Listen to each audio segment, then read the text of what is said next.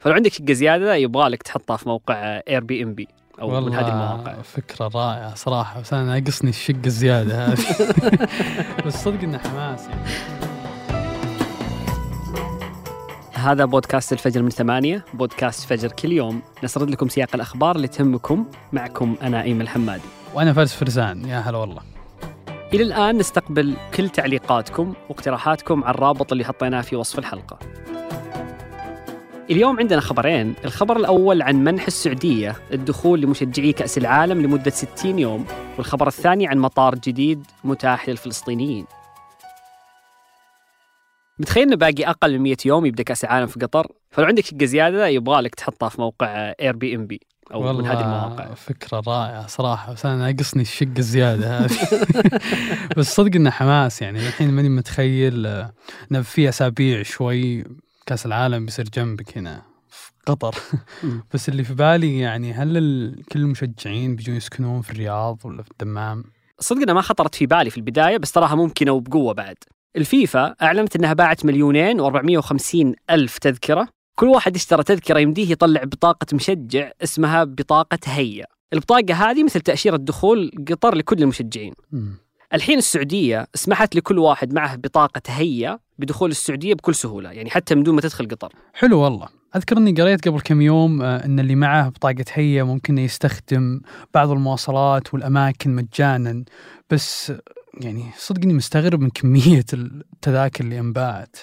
تراها منطقية. يعني لو جيت تشوف عدد المباريات عندك 64 مباراة يعني تقريبا الحضور لكل مباراة هو 38 ألف واحد وبعض الملاعب في الدوحة سعتها أكبر من كذا. يعني ملعب البيت أو لوسيل بتوصل سعته إلى أكثر من 80 ألف متفرج. أوف أوف.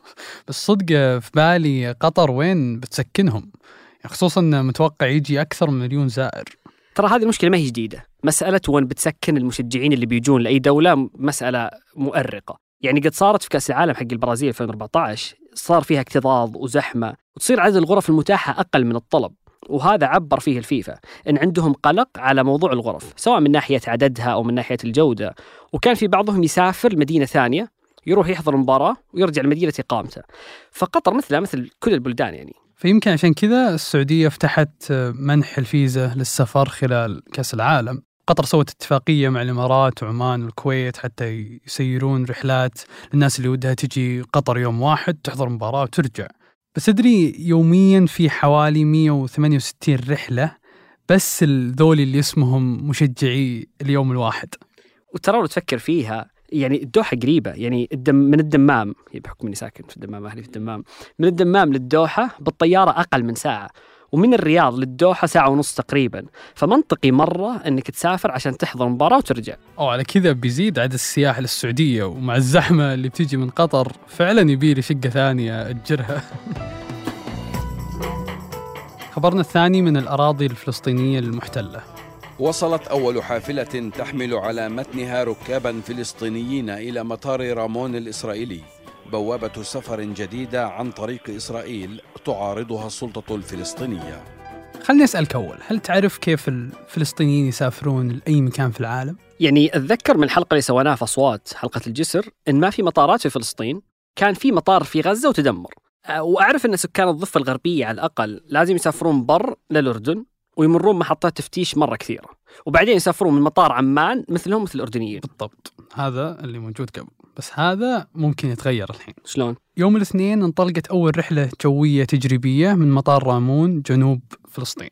وهذا مطار فلسطيني جديد؟ يعني يعني نقدر نقول إنه صار في عند الفلسطينيين مطار مستقل؟ لا المطار إسرائيلي وقصته أيضا هي سبب في الجدل الكبير حوله.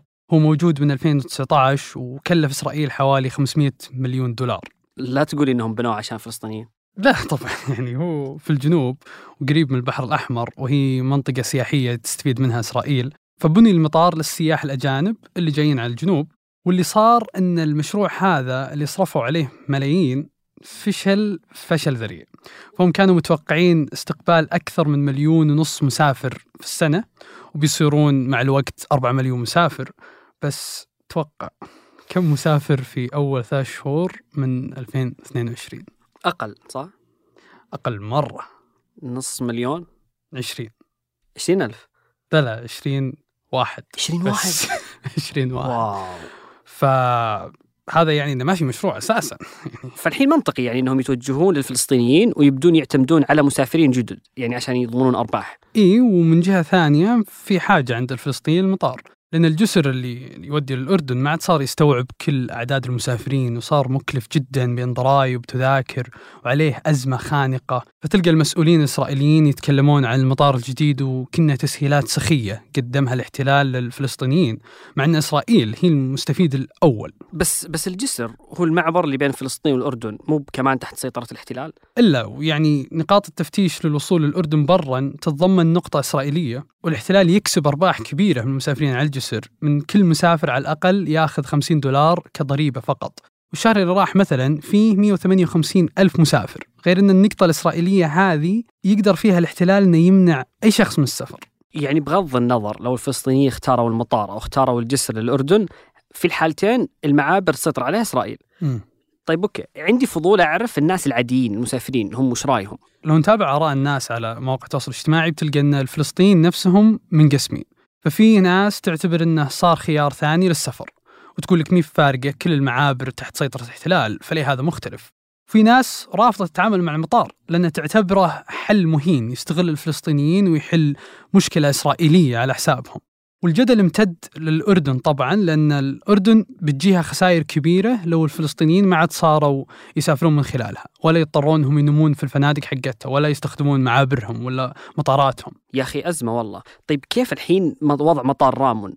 كثير مسافرين اتجهوا له؟ للحين ما نعرف تماما كيف بيكون الوضع لأن الرحلة اللي طلعت على قبرص هي رحلة صغيرة. وللحين ما أفتتح بعد بشكل رسمي للفلسطينيين مو بكل الوجهات مسموحة. أتخيل أول فترة راح تقتصر على قبرص وتركيا. يا أخي الله يعينهم والله. يعني هذه المشاكل يعني أحس ما نفكر فيها بالعادة. كل دولة عندها مطار مستقل وتتحكم فيه فالله يعينهم. يعني مرة وضع معقد. أنتج هذه الحلقة ترك القحطاني ولما رباح وقدمتها أنا أيمن الحمادي. وأنا فارس فرزان. وحررها محمود أبو ندى. نشوفكم بكرة الفجر.